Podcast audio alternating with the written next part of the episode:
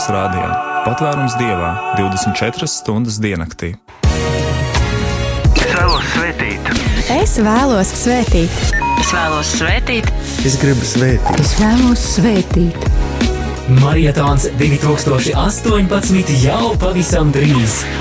Marietons Radio Marija ēterā no 3. līdz 4. maijam. Vai vēlies atvērt savu sirdi labam darbam arī tu?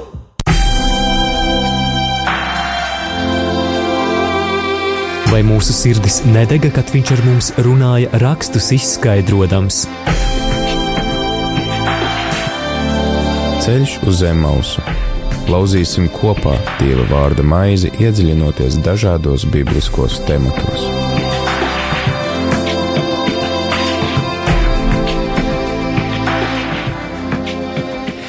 Esiet sveicināti, darbie radio klausītāji! Atkal tiekamies raidījumā Ceļš uz Emausu, un šovakar studijā esam mēs, Māris Veliks un, Un Linda. Turpinoties lieldienu liturģiskajam laikam, raidījumā Ceļš uz Emausu mēs joprojām aplūkojam dažādas rakstu vietas par Jēzus augšām celšanos. Šoreiz pievēršamies Jāņa evaņģēlija 20. nodaļai, un šodien mēs lasīsim no 19. līdz 31. pantam. Kā tas bija mācekļiem? Mm, kā tas bija mācekļiem pazaudēt Jēzu, eh, lai viņu atkal pēc tam satiktu? Un ko nozīmē tas, ka augšām cēlēs Jēzus parādījās miesā? Kādu dāvanu baznīcai dāvā augšām celtais kungs? Dvēšot svēto garu, un cik liela ir šī dāvanas nozīme? Par to šodien sarunā ar Rīgas svētā gara vecumnieku Valles Bārbeles Luterāņu draugu mācītāju Robertu Otomeru. Esiet sveicināts! Sveicināti! Sveicināti! Mācītāji Robert, pirms mēs ķeramies klāt šodienas raksturvietai no Jāņa evaņģēlija, es vēlējos uzdot kādu jautājumu. Tā kā radio Marija klausās dažādu konfesiju pārstāvji, tad uh, gribēju jautāt, vai arī Lutheriskajā baznīcā ir tāda lieta kā lieldienu liturģiskais laiks, vai, vai nav, nu, tā kā piemēram pie katoļiem līdz vasaras svētkiem, tad tā augšām celšanās tēma liturģijā dominē un gribēju zināt, kā ir uh, Luterāņu baznīcā. Jā, tas, tas ir tāpat kā katoļu baznīcā. Nu, pie Lutheriskās reformācijas tas princips jau uh, bija, ka to labo, kas ir, to paturam, nu, to slikto, to, to atmetam, un, un šī, šī lieta ir paturēta, acīm redzot, tā ir bijis labi uzskatīta. Un, jā, mums tā ir tā liturģiskā, liturģiskais gads, es domāju, ka viņš lielā mērā ir tāds pats kā katoļu baznīcai. Paldies par Jēzus augšām celšanos. Arī tūlīt dzirdēsim Dieva vārdu, un, ja tev klausītāji ir iespēja arī tagad atvērt svētos rakstus, tad uzmeklē Jāņa evaņģēlija 20. nodaļu. Mēs lasīsim no 19. panta līdz nodaļas beigām, līdz 31. pantam. Ieklausies Dieva vārdā!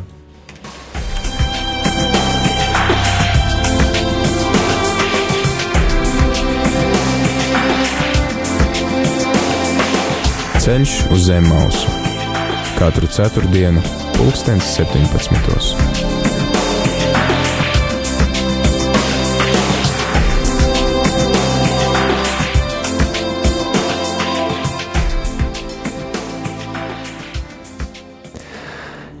Šīs nedēļas pirmās dienas vakarā, kad mācekļi, baidīdamies no jūdiem, bija sapulcējušies aiz aizslēgtām durvīm, atnāca Jēzus un nostājies viņu vidū sacīja: Miers jums! To sacījis, viņš rādīja tiem savas rokas un sānus. Mācekļi ieraudzījuši kungu, kļuva līksmi. Jēzus viņiem atkal sacīja: Miers jums! Kā tēvs man ir sūtījis, tā arī es jūs sūtu. To pateicis, viņš uzpūta dvašu un tiem sacīja: Saņemiet svēto garu. Kam jūs grēkus piedosiet, tiem tie tiks piedoti, kam paturēsiet, tiem paliks. Kad Jēzus atnāca, Toms, saukts Dvīnis, viens no tiem 12, nebija ar viņiem. Citi mācekļi viņam sacīja: Mēs redzējām kungu, bet viņš tiem atbildēja: Kamēr es neredzēšu naglu brūces viņa rokās, kamēr nelikšu savu pirkstu viņa nagu brūcēs, viņa naglu brūcēs, un kamēr nelikšu savu roku viņa sānos, es neticēšu. Pēc astoņām dienām mācekļi atkal bija tur kopā, un Toms bija ar viņiem. Durvis bija aizslēgtas, bet Jēzus nāca un nostājies viņu vidū sacīja: Miers jums! Pēc tam viņš sacīja Tomam: Stieps šurp savu pirkstu un lūko manas rokas, un stiep savu roku un liec manos sānos, un nē, es vairs neticīgs, bet esi ticīgs. Toms viņam atbildēja: Mans kungs un mans dievs. Jēzus viņam sacīja: Tu tici tādēļ, ka tu mani redzēji. Laimīgi tie, kas nav redzējuši, bet tic.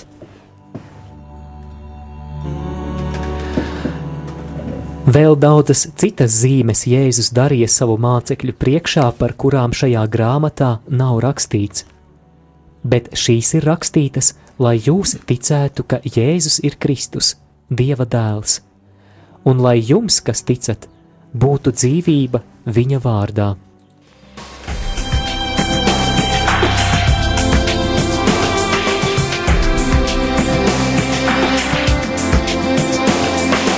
Ceļš uz zem mausu katru ceturtdienu, pulkstens 17.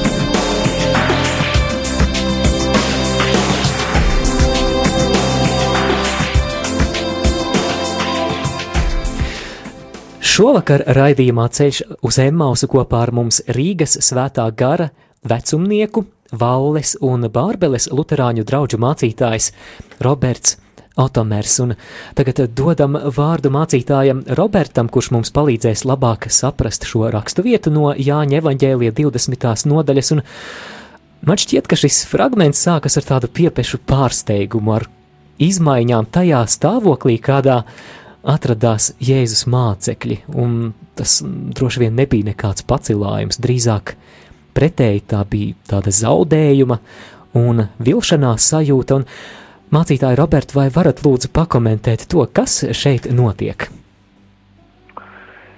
Jā, nu pirmais gribētos uh, vērst uh, skatu uz to, kā tas bija uh, pašiem mācekļiem, ka viņu mīļotais mācītājs, ar ko viņi trīs gadus bija kopā gājuši dienu dienā, ne tikai tā kā mēs, teiksim, sanākam kopā uz dievkalpojumiem svētdienās un, un tad varbūt vēl pa nedēļu uz kādām bībeles stundām vai kādām citām e, draudzes aktivitātēm, bet viņi jau trīs gadus bija gājuši viņu kopā dienu dienu. Viņi bija atstājuši savu iztiks avotu, viņi visi bija pametuši, lai sekot Jēzum līdzi viņi bija gājuši līdzi un domājuši, ko tas, uh, nu, tā nākotne kopā ar viņu nesīs tos lielos tos augstumos, kur viņi varēs būt. Jēzus varētu būt ķēniņš, un viņi varētu būt tā kā ministri, darīt, dalīt ministru portfeļus. Un tad nāk zaļā ceturtdiena, kad Jēzus apcietina, lielā piekdiena, ka viņi piesit krustā, un viņi visi ir pārbijušies, viņi visi ir izmisumā, viņi zaudējuši savu garīgo tēvu, viņi patiesībā zaudējuši arī savu dzīves jēgu, par kuru Jēzus bija kļuvis viņa dzīvēs, un viņi ir pārbijušies. Viņi slēpjas aiz slēgtām durvīm, baidoties, ka uh, tie jūda vadītāji, kas ķērās klāt pie Jēzus, varētu ķerties klāt arī viņiem un arī viņus nonāvēt nezinu, ko lai tagad tālāk iesāk ar viņu dzīvēm, nu tā situācija patiesībā ir dramatiska. Un tad tajā brīdī viņi to vismazāk gaida, pēkšņi ja Jēzus nāk, viņu vidū nostājās kā parasti viņš sveicina, viņas kā parasti viņš bija sveicinājis miers ar jums, ebrejiski šalom alehem, un, uh, un tā vietā, lai viņi uzreiz pirm, sākt priecāties, viņi pirmajā brīdī pārbīstās. Un es tā reizēm domāju, nu kā būtu, ja es būtu viņa vietā. Ja es ieraudzītu ko tādu, kurš, un es būtu pilnīgi pārliecināts, ka tas ir miris. Ja tas nevar būt izdzīvojis tas cilvēks pēc tik drausmīgas nāves, tādām lielām ciešanām, un te pēkšņi viņš stāv atkal mūsu vidū. Kā jūs, kā jūs sajustos, Mārim Linda? Jā, nu, es domāju, ka mēs jau neesam daudz, daudz atšķirīgāki no, no Jēzus laika cilvēkiem, no, no viņa draugiem, apstuļiem. Es domāju, ka tās bailes arī tāds šoks, pārsteigums būtu tīri dabiska reakcija. Un man te nāk prātā, reiz lasīju kādu, kādu autoru, kurš runāja par to, ka bailes vai, vai izbīlis dieva noslēpuma priekšā, Bībelē vairākās vietās mēs to lasām, ka ir, ir tikai dabiska reakcija. Mēs redzam, ka, ka Mūzus, Mūzus ir pārsteigts degošā krūma priekšā, un, un arī daudzas citas rakstu vietas mēs varam atrast, kur, kur ir šīs bailes, tā bijība, jo saskarsme ar dievišķo nav, nav varbūt kaut kas tik ikdienišķs, kā pankūku gatavošana vakariņās virtuvē. Jā, tā ir daudz, kur Bībelē mēs esam domā tādu satikšanās gan ar Dievu, gan arī citreiz ar eņģeļiem, kur Dievs sūta, kur bieži vien ir pavadīts ar tādām uh, lielām bailēm, bet šajā vietā es domāju, ka tur tās bailes ir arī tā, tādēļ, ka viņi nesaprot, kas pa visu, kas līdz galam ir noticies, kas ir tas, kas stāv viņu priekšā, jo viņi pirmajā brīdī vēl nespēja aptvert, ka tas varētu būt viņa kungs. Jā, interesanti, ka sinoptiskajos evaņģēlijos, Mateja, Marka un Lūkas evaņģēlijā Jēzus savas dzīves laikā mēs lasām jau vairākas reizes runā uz saviem mācekļiem par to, ka viņam būs ciesti Jeruzalemē, bet trešajā dienā augšām celsies, un kādā no evaņģēliem arī ir šī piepilde, ka mācekļi viņa teikto nesaprata.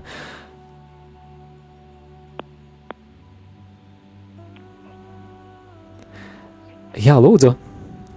Jā, kaut kas noraustījās, bet jā, patiešām tas, tas arī ir kaut kāda tāda lieta, par ko mēs domājam ka, kā tas ir, kad Jēzus taču jau vismaz trīs reizes mēs lasām viņas, viņas e, stāstīja un brīdināja, ka tā tas notiksies, bet mēs redzam, ka tās mācekļu domas jau bija pavisam kaut kur citur.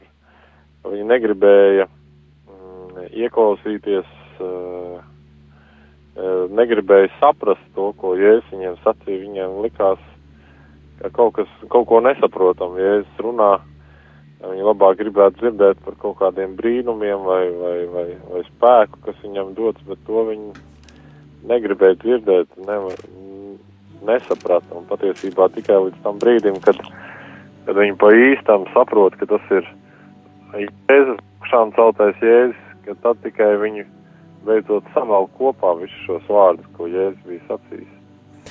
Jā, 19. pantā mēs lasījām par to, ka viņi baidīdamies no jūdiem bija sapulcējušies, tad Jēzus nostājas viņu vidū, un, protams, ka mācekļi ir izbijušies, bet uh, es 20. pantā arī redzu, ka mācekļi ieraudzījuši kungu, vismaz jaunajā tulkojumā ir teikts, kļuva līksmi, un atkal arī šis prieks parādās. Jā, un tā ir nā, nākamā lieta, ka tik, tik līdz viņi tam pirmajam baiļu momentam ir tikuši pāri, nu viņi saprot, ka tas ir viņš, un ka viņš rāda savus rokas un savus sānus, kur bija caururti no, no naglām un no, no šķēpa. Tad tajā brīdī viņiem, eh, viņi atpazīst, ka tas patiešām ir, eh, ir Jēzus, viņš ir nācis viņu vidū, un turklāt viņš ir nācis ne tikai eh, kā kaut kāds spoks vai, vai gars, eh, bet viņš ir nācis ar jaunu eh, pārveidotu miesu. Ka, un te mēs redzam arī kaut ko tādu, ko arī nu, ticības apliecībā mēs mēdzam sacīt, ka tur būs jauna miesa un jaunas debesis, ko mēs iegūsim, ka mēs redzam, ka Jēzum bija jauna miesa. Un viņš šajā pārveidotajā miesā bija izvēlējies paturēt kādas ļoti svarīgas rētas, nevis tāpēc, ka viņš nevarētu tās kā visu varenais Dievs un Dieva dēls tās noņemt nos, bet viņš izvēlējās tās paturēt, lai tiem mācekļiem būtu vieglāk viņu atpazīt, vieglāk būtu saprast, ar ko viņiem ir, ir darīšana, un mēs redzam, ka tieši tās rētas ieraudzīdami, rokās tānu, ka tieši tās redzot, viņi kļuva līksmi un atpazina e, Jēzu. Arī mēs lasam citu cit vietu, kur tie mācekļi, kas lavās prom uz Emaus, kāds raidījuma nosaukums arī ceļā uz Emaus, viņi uzreiz neatpazīst Jēzu, bet viņa augšām celšanās. Marija arī neuzreiz neatpazīst viņu. Kaut kas viņā ir, ir citādāks. Un, Vai tas ir kaut kādā ziņā saistīts ar to, ko jūs minējāt, ar šo apskaidroto miesu pārveidoto? Jā. Jā. Jā, un tas ir tieši tas vēl viena lieta, ko mēs varam no šīs raksturvietas mācīties, ka debesu valstībā arī mūsu miesa, Jēzus tam ir rādījis priekšzīmi, ka viņa vairāk nebūs tāda, kāda viņa bija šeit virs zemes, ka tur būs, ka tur ir kādas sāpes, ciešanas un slimības, ka šī pārveidotas tā miesa būs citādāka, ka viņa būs kaut kādā ziņā daudz, nu, pilnīgāka un kura nebūs tā grēka sāēsta un slimība sāēsta, kā šeit uz zemes mums dzīvojot. Un, un jā, tas ir kaut kas tāds priecīgs, ko mēs varam redzēt, un iespējams, nu, tas tā nedaudz tāda spekulācija, ka mēs arī paši varēsim debesu valstībā izvēlēties, ja mums kaut kādas rētas, ko mēs ir zemes esam ieguvuši, būs kļuvušas dārgas, ka mēs uz jaunās miesas tās varēsim arī paturēt, varbūt līdzīgi tā kā Jēzus. Nu, citreiz, citreiz kādiem karavīriem, ja viņi glābuši kādam dzīvību un paši tapuši ievainot kādu rētu, var tapt tāda svarīga. Citreiz vēl kāda rēta var būt kā tāda piemiņa par kaut ko svarīgu. Jā, paldies par šo atziņu, par eh, šo apskaidroto miesu, augšām celto miesu, un, un eh, te man nāk prātā arī tas, ko apustulis Pāvils rakstīja pirmajā vēstulē korintiešiem 15. nodaļā, es lasīšu no 43. panta, ka sēdz top negodā, bet augšām ceļas godībā, sēdz top nespēkā, bet augšām ceļas spēkā, sēta top dabīga miesa, bet augšām ceļas garīga miesa, jo kā ir dabīga miesa, ir arī garīga miesa.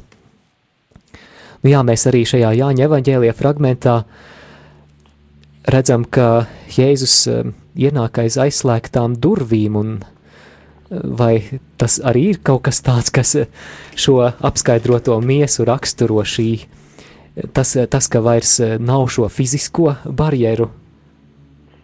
Jā, nu es domāju, ka noteikti tas, tas to parāda, ka šī pārveidotā miesa, ka viņi spēj darīt tādas lietas, ko mēs nevaram arī citreiz kaut kādi uh, zinātnieki, viņi saka, ka tas, ko mūsu smadzenes spēj šeit virs zemes izdarīt, ja tas ir, nu, pēc dažādiem tiem mērījumiem kaut kā tikai 15 līdz 30 procenti no tā potenciāla, kas ir būtu iespējams, un acīm redzot, ka nevelti tās smadzenes mums tādas ir iedotas, ka debesu valstībā, ka mēs spēsim īstenot daudz vairāk no tā potenciāla, kas tur ir, un, un Jēzus augšām celtā miesa tam ir tāds pierādījums, kā tas ir, ka viņi ir pārveidoti.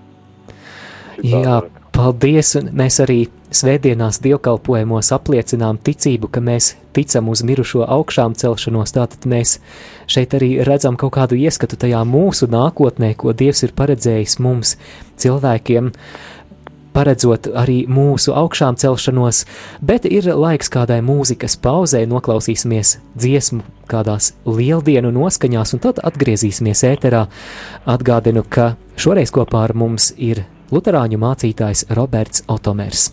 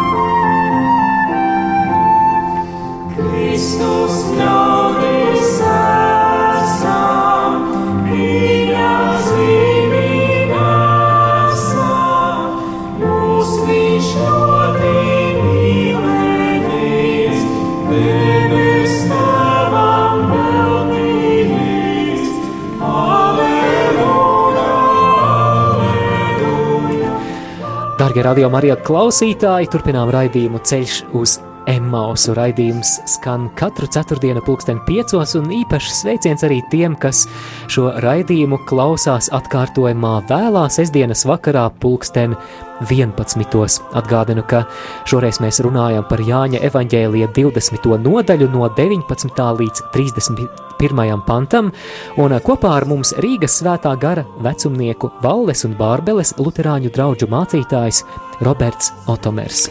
Un ja, brīdiņā pirms mūzikas pauzes apskatījām, mēģinājām iejusties situācijā un sevi mācekļu vietā, kā mēs justos, būtu sajutušies, ja pēkšņi aiz aizslēgtām, caur aizslēgtām durvīm mūsu vidū ienāktu Jēzus, nu vai pat ja kā cits ienāktu, kā mēs justos, un, un secinājām, ka mēs Mēs eh, droši vien arī būtu ļoti nobijušies, un eh, šīs bailes ne tikai tas, ka, ka Jēzus bija miris un, un, un, un, un tagad pēkšņi viņš caur aizslēgtām durvīm ienāk, bet arī eh, šīs bailes, droši vien šīm bailēm pamatā bija tas, ka Jēzus augšām celtā miesa bija apskaidrota, un, nu, jā. Jā, un, un droši vien arī tas, ko mēs minējām, ka, ka mācekļi Jēzus dzīves laikā šeit virs zemes nebija līdz galam sapratuši to, ko Jēzus jau bija sludinājis par savām ciešanām un par savu augšām celšanos, bet interesanti, ka no 21. panta līdz 23. pantam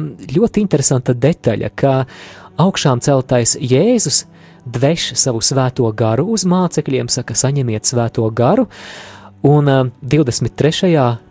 pantā mēs lasām, kam jūs grēkus piedosiet, tiem tie tiks piedoti. Kam paturēsiet, tiem paliks. Mācītāji Robert, lūdzam kādu jūsu komentāru, kas šeit notiek? Ja, kādiem uzmanīgiem klausītājiem, jau varētu likties, jā, kas te notiek? Tas taču vēl ir pirms Jēzus debes braukšanas. Jā, pirms vasaras svētkiem arī. Pirms vasaras svētkiem, jā, un Jēzus jau pūš uh, uz mācekļiem svēto garu, un viņi jau saņem te.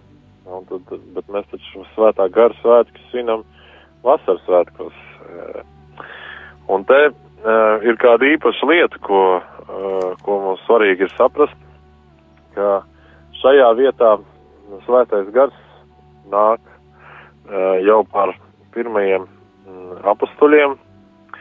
Šajā brīdī 11 droši vien, nu, grūti saprast, varbūt vēl kāds tur ir klātesošs, bet, nu, par tiem 11, nē, pat īstenībā 10, jo Toms tajā brīdī mēs esam vēlāk. Jā. Nav klātesošs, jā, tad, tad pār 10.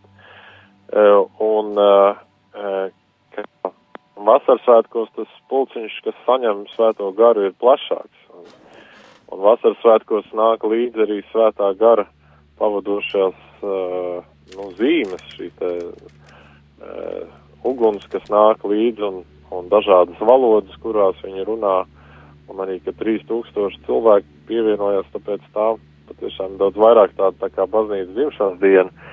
Bet šeit patiesībā Jēzus uztic uh, saviem apustuļiem, uh, nākamajiem baznīcas ganiem, kādu ļoti svarīgu un nepieciešamu dāvanu, kas līdz šai paldienai uh, kristīgajā baznīcā tiek saglabāta un, un ir īpaša dāvana. Tā ir nu, grēksūdze un grēku piedošana. Un, un te mēs redzam, ka šī grēksūdze un grēku piedošana, ka viņai ir kāda saistība ar svēto garu. Ka svētais gars arī mēs ticības apliecībā pie viņa tieši sakam šos vārdus, kad uz grēku piedošanu mēs ticam. Jā. Un, uh, un mēs redzam to saistību, kāpēc tas tā ir bijis, ka tieši caur svēto garu šī grēka mm, pie, piedošana nāks pār tiem, uh, kas lūgs pēc šīs piedošanas. Bet tur ir vēl kādi īpaši vārdi. Kam jūs grēkus piedosiet, tiem tie tiks piedot. Kam paturēsiet, tiem tie paliks.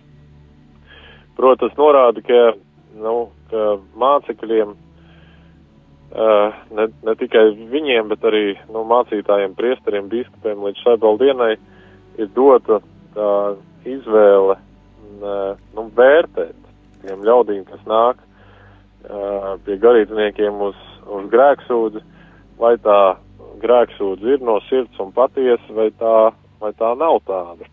Un proti, kad nu, neviens garīdznieks nav zelta ziltiņa vai džina lampā, kam jāizpild ir visas uh, cilvēku vēlēšanās, ka jāpiedod grēki, uh, lai kādi tie arī būtu. Nu, lai to labāk saprastu, viens smieklīgs piemērs. Jā, lūdzu. Nu, proti, atnāk viens cilvēks pie mācītājas grēksūdas, viņš saka, es esmu grēkojis, mācītājs vaicā, e, nu, ko tu, tu esi tādu darījis, viņš saka, nu, es esmu nozadzis savam kaimiņam astoņus maisus ar labību. Mācītājs saka, nu, tas, tas ļoti slikti, kad tu to izdarīji, nu, tā kā mēģinādams noskaidrot, vai tas ir bijis kaut kad sen vai nesen. Tas cilvēks saka, nu, divus maisus es nozagu aizvakar, divus vakar un divus šorīt. Un tad uh, mācītājs vaicā, bet paga, paga, man kaut kas ar matemātiku nav kārtībā. Jūs sacījāt, ka nozagāt astoņus maisus, bet man kopā sanāk tikai seši. Un tad vīrs saka, nu jā, divus es vēl biju domājis nozagt šovakar. Jā, Nu, un jautājums tagad tāds, vai šādam cilvēkam var piedot grēkus? Un, protams, ka nevar, jo viņš jau neko nav sapratis. E, viņš jau grib, teiksim, izmantot grēksūdzi kā tādu attaisnojumu savam ļaunajam darbam, bet tur jau nav īstas tādas grēku nožēlas, kam būtu jābūt līdzi e, grēksūdzei un kur patiešām grēkus var piedot garīdznieki tur, kur ir nu, īsti tāda sirds nožēla, tam nāk līdzi. Bet, ja tā ir nu, tāda vēlme attaisnot kaut ko, ko tu esi darījis, un, uh, un tu vēl grasies arī turpināt to darīt, ka tādam cilvēkam nevar uh, šos grēkus mm, piedot. Un, un Jēzus šeit nu, to pasaka tādos īsos vārdos priekšā, kad, uh, nu, kad šāda te atbildība uh, ir uzticēta garīdzniekiem un arī pamāca patiesībā arī tos, kas nāk grēksūdzi, kad lai nāk nevis tā liekulīgi, āršķirīgi, bet ka lai nāk ar sirdi uz grēksūdzi. Un tie savukārt, kas šo grēku piedošanu saņem, ka tas var būt liels mierinājums, ka viņi tos grēkus ir saņēmuši, ka viņiem par to vairāk nebūs jāatbild Dieva tiesas priekšā, ka Jēzus tos ir nodzēs par tiem ar savu nāvi samaksājis un ka mēs, mūsu sirds var tikt atvieglota no tā.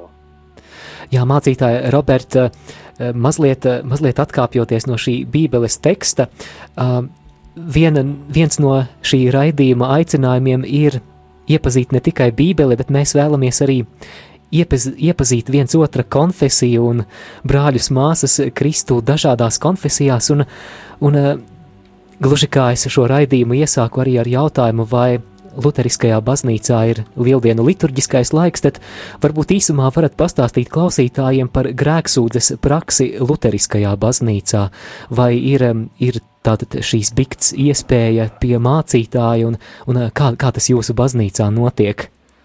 Jā, bikts grēksūdze ir, ir mūsu baznīcā, viņa gan atšķirībā katoļu baznīcas, cik man ir zināms, viņa nav e, obligāti praksa, teiksim, visiem, Jā.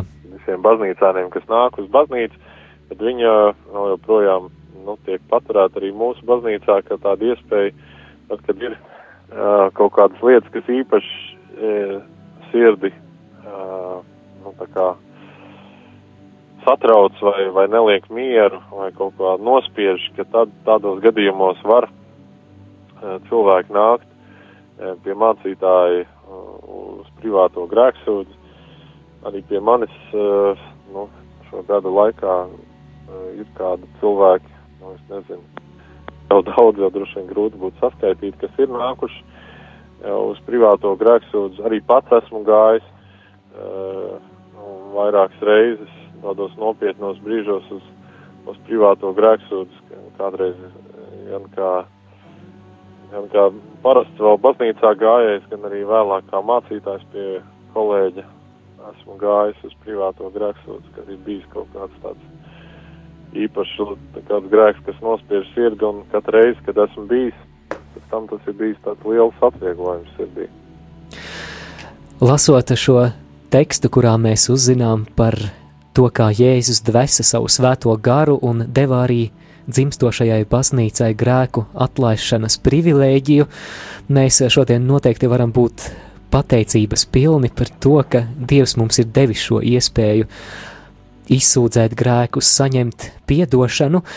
Atgriezīsimies ēterā pēc īsas mūzikas pauzes un atgādinu, ka šoreiz kopā ar mums luterāņu mācītājs Roberts Otomers un šoreiz mēs aplūkojam Jāņa evaņģēlija 20. nodaļu no 19. līdz 31. pantam.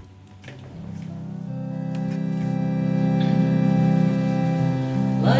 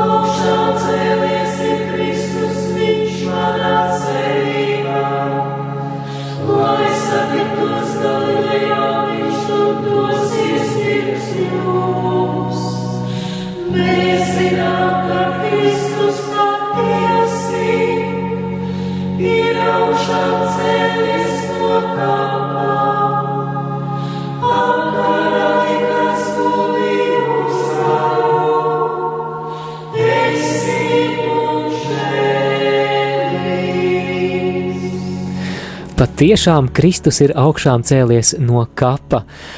Par to mēs domājam arī šodien raidījumā Ceļš uz Zemmausu, kopīgi lasot Jāņa evaņģēlīja fragmentu no 20. nodaļas, sākot ar 19. pantu. Un, dargo klausītājs, vēlos tev dot iespēju arī iesaistīties šajā raidījumā. Varbūt tev ir kādas pārdomas, kādas neskaidrības, neatbildēti jautājumi.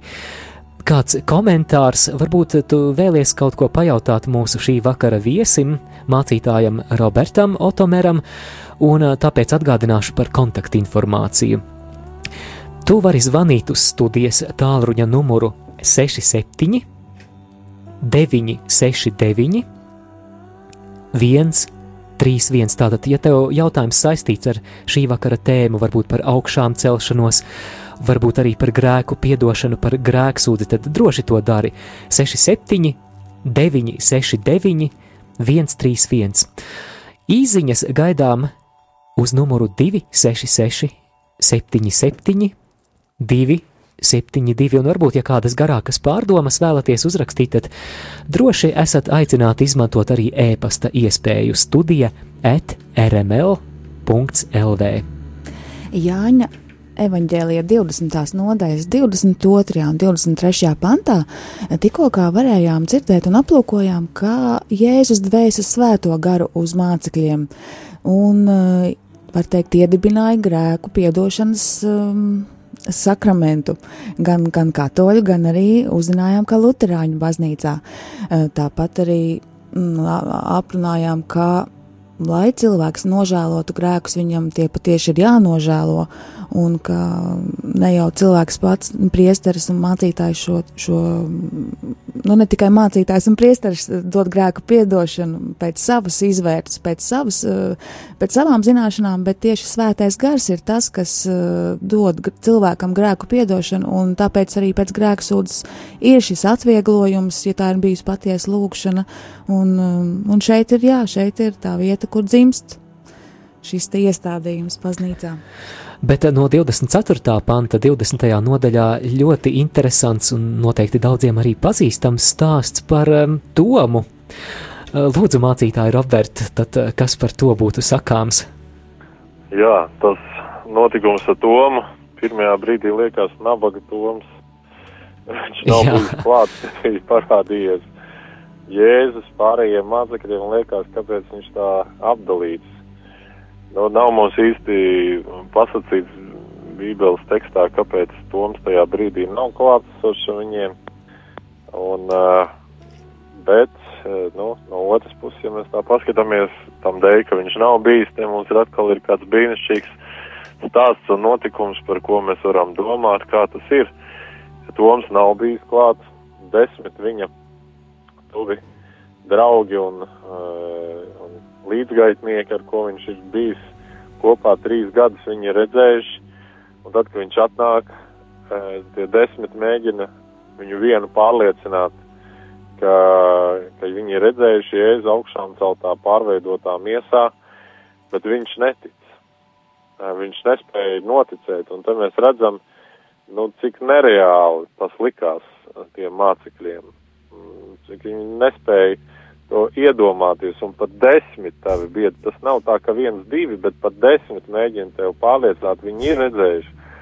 Un tas viens saka, nē, es neticēšu, kamēr es neredzēšu ar savām acīm, kamēr es nelikšu savus pirkstus viņa brūcēs, es neticēšu. Es pat uh, gribētu teikt, ka tāds diezgan uh, mūsdienīgs arguments. Jā, jā, tieši tā. Tieši tā, un uh, tas patiešām ir tas, ko daudzreiz mēs varam dzirdēt arī šobaldien. es varētu sacīt, ka pasaulē diezgan daudz domam līdzīgu domu gājienu ar cilvēkiem, bet, bet es domāju, ka nu, Toms kaut kādā ziņā ir, uh, nu, ir labākā pozīcijā nekā daudzi, viņš jau, nu, vaicā pēc īstajām lietām. Viņš meklē jēzu vēl joprojām un meklē viņa brūces, kas, kurā brūcēs mēs esam appirkti un dziedināti. Un, uh, un tad 26. pantā ir ļoti tādi vārdi, ko varbūt mēs varam ātri tā paspiet gribam. Pēc astoņām dienām, kad mācekļi bija atkal tur kopā un Toms bija ar viņiem, durvis bija aizslēgts un Jēzus atkal nāca viņu vidū. Jā, Astoņas dienas.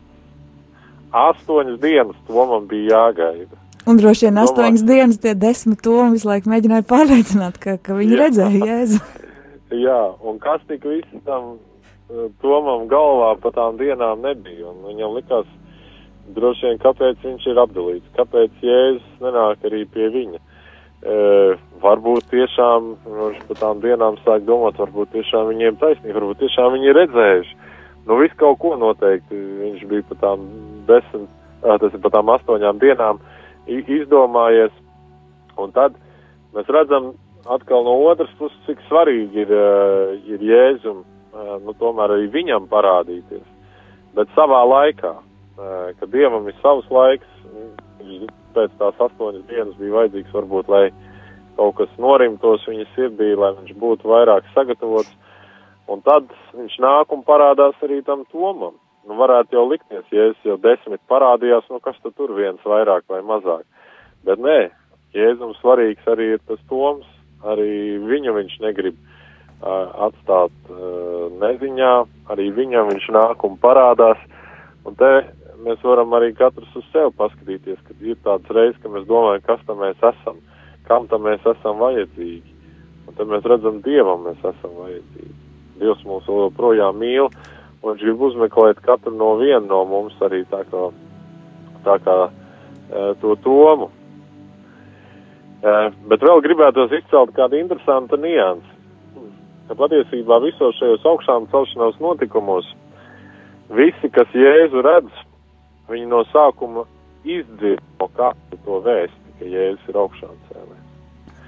Un es domāju, ka tas nav nejauši, e, ka Jēzus ir gribējis, ka mēs pirmām kārtām sadzirdam to vēsti, un pēc tam tikai piedzīvojam kādus brīnumus. Mm, tas, Un- to es pat nebiju pamanījis, bet tiešām pat, pat sievietes, kuras bija tās Jā, pirmās augšām visām. celšanās, jā, pat eņģelis viņām Eņģelis pasludina. viņām pavēstīja, tad sievietes pavēstīja tiem desmit mācekļiem, Jā, tie desmit pavēstīja vienam, visi pirms tam ir dzirdējuši no kāda. Un Bet- te ir viena lieta, Bet arī Kur- neviens neticēja, vai ne?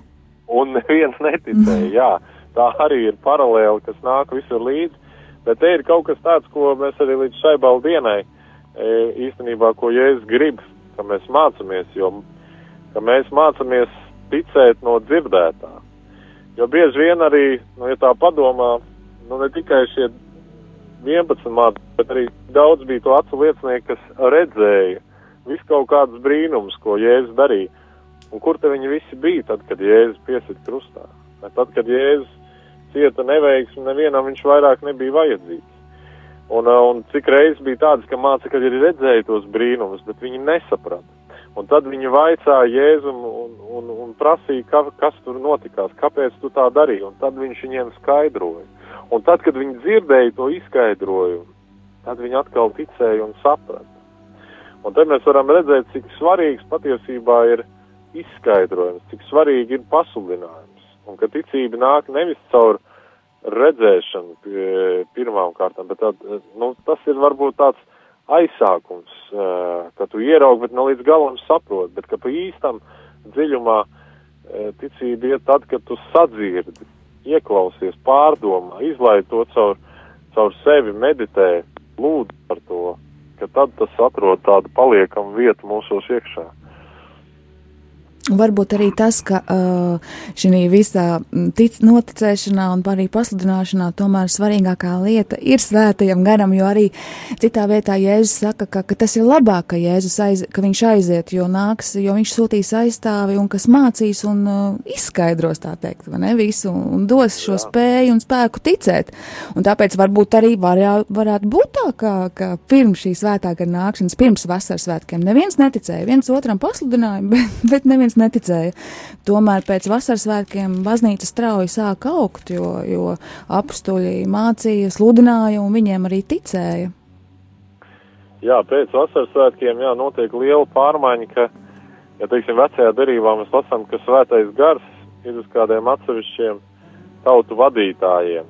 E, nu, nu, teiksim, ķēniņa saules lasām, ka bija un jā vai soģi. Dāvidam, uh, soģiem, uh, ka ir uh, praviešiem, uh, kur viņi, kad viņi arī pasludina vēsti, ko Dievs viņiem ir devis, bet tā lielā pārmaiņa vasaras svētkos ir, ka visiem mācekļiem tas tiek dots, un tas īstenībā parāda arī nu, tādu lielu pārmaiņu, kas ir līdz šai baldienai, ka, ka mums ir daudz vieglāk ar Dievu patiešo arī komunicēt dēļ tā, ja mēs esam uh, ticīgi un esam tikuši kristīti, ka mums šis svētais gars ir un ka līdz ar to mums tā uh, ticēšana kaut kādā ziņā ir vienkāršāka nekā viņiem toreiz, bet arī tajā pašā laikā mēs redzam, nu, ka viņi tomēr diezgan apgrūtināti šeit ir zemes.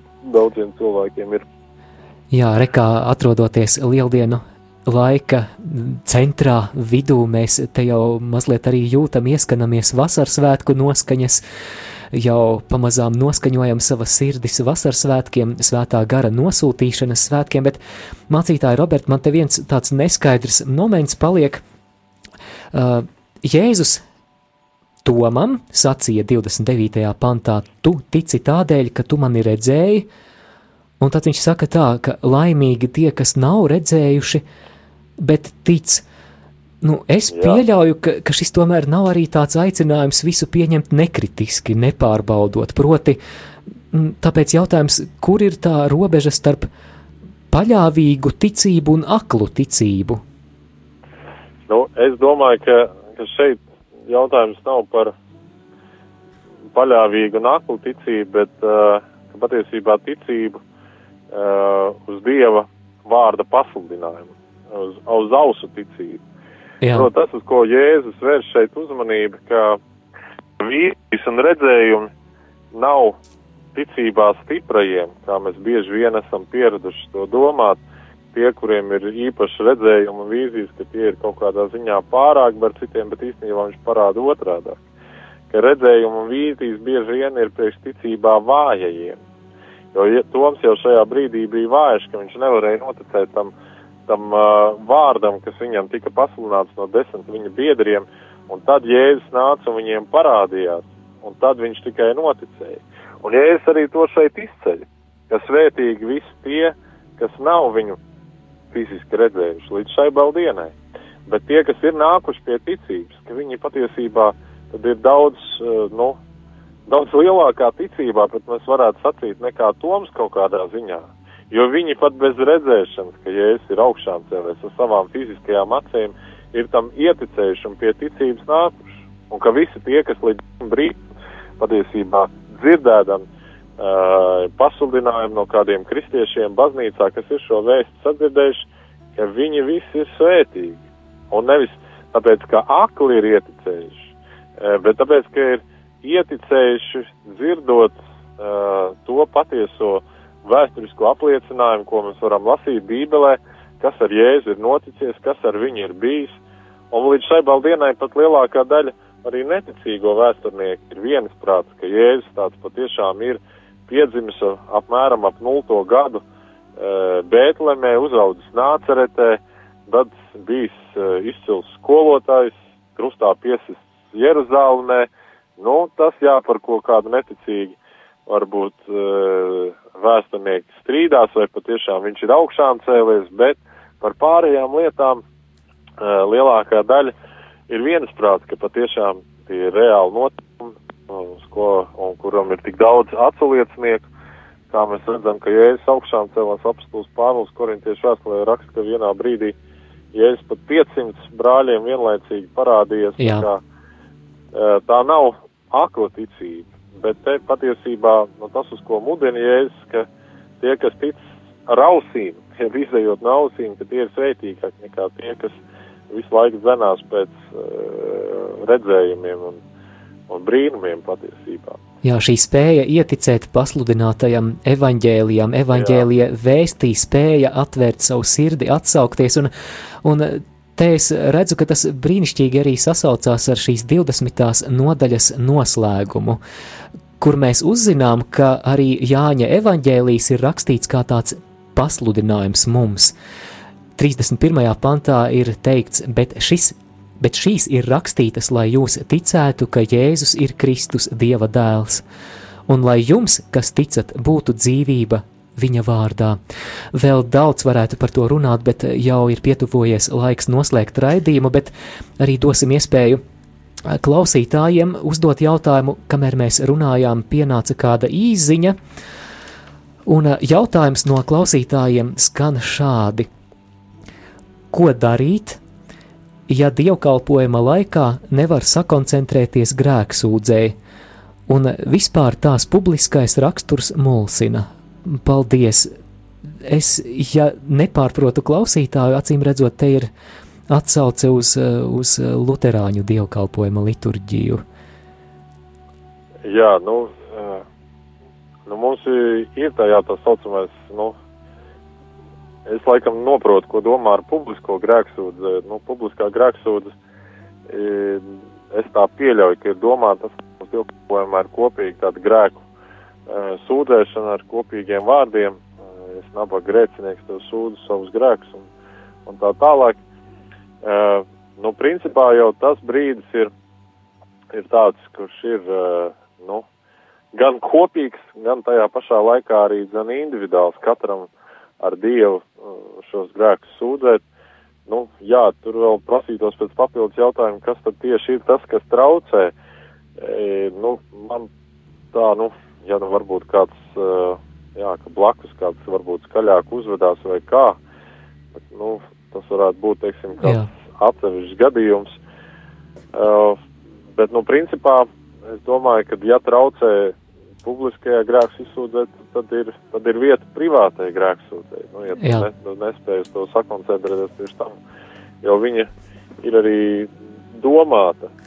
Eh, Bet tā, kāds atkal, ja tas ir tieši traucēšanas moments, tad iet un kādam aprunāties pēc tam, pēc dievkalpojuma pasakīt, eh, ka, ka tas ir traucējis un palūk būt klusāk. Jo, nu, man personīgi tā, es nekad neesmu tā, nevaru atcerēties, ka būtu kaut kur bijis tā, ka kāds būtu traucējis, un liekas, katrs jau, es nāku uz baznīcu, viņš jau ir arī savā dievbijībā lūdz pēc tās piedošanas, un, uh, nu, jā, nu, tā varbūt tur prasītos varbūt vairāk kaut kā saprast to situāciju. Jā, skaidrs, paldies. Un uh, vēl pēdējais jautājums. uh, Kāds cits klausītājs īsiņā raksta, atsaucoties uz mūsu sarunu par svēto garu un arī par ieticēšanu dieva vārdam. Jautājums ir šāds: vai nav tā, ka mazi bērni, kas mazi ir kristīti, dzirdot dieva vārdu, labāk ietic, jo viņiem jau ir svētais gars? Kā jūs komentētu šo? Nu, protams, ka es domāju, ka, uh, ka jo agrāk pie Dieva vārda tu nāc, uh, jo labāk, un ja, jau bērns jau no mazām dienām jau dzird šo Dievu vārdu, uh, ka tad jau tad, ja viņa svētais gars ir un darbojas, un viņš jau lietas saprot, un citreiz pat tāds mazs bērns, man pašam seši bērni ir, un viņiem katru vakaru mēs bībeli kopā lasam un lūdzam, Un, un ka es redzu, ka nu, ir jau kaut kādas lietas, kur tie bērni saprot dažas lietas no Bībeles daudz labāk nekā viena daļa pieaugušo, kas varbūt nu, tik daudz nav dzirdējuši to, to, to Dievu vārdu, un ka arī pie viņiem darbojās svētais gars, un kaut kādas lietas viņiem atklāja, arī viņi par kaut kādām lietām, tāpat kā svētais gars, noskut, kad redz kādus neticīgus draugus vai, vai kā, tā kā svētais gars arī tur darbojas. Sirsnīga pateicība Rīgas svētā gara vecumnieku valles un Bārbeles luterāņu draugu mācītājam Robertam Otomeram, kurš, kurš šovakar raidījumā ceļš uz Emausu mums palīdzēja labāk saprast Jāņa evaņģēlija fragmentu no 20. nodaļas, sākot ar 19. pantu un līdz nodaļas beigām. Šeit studijā bijām mēs Māris Veliks un Linda.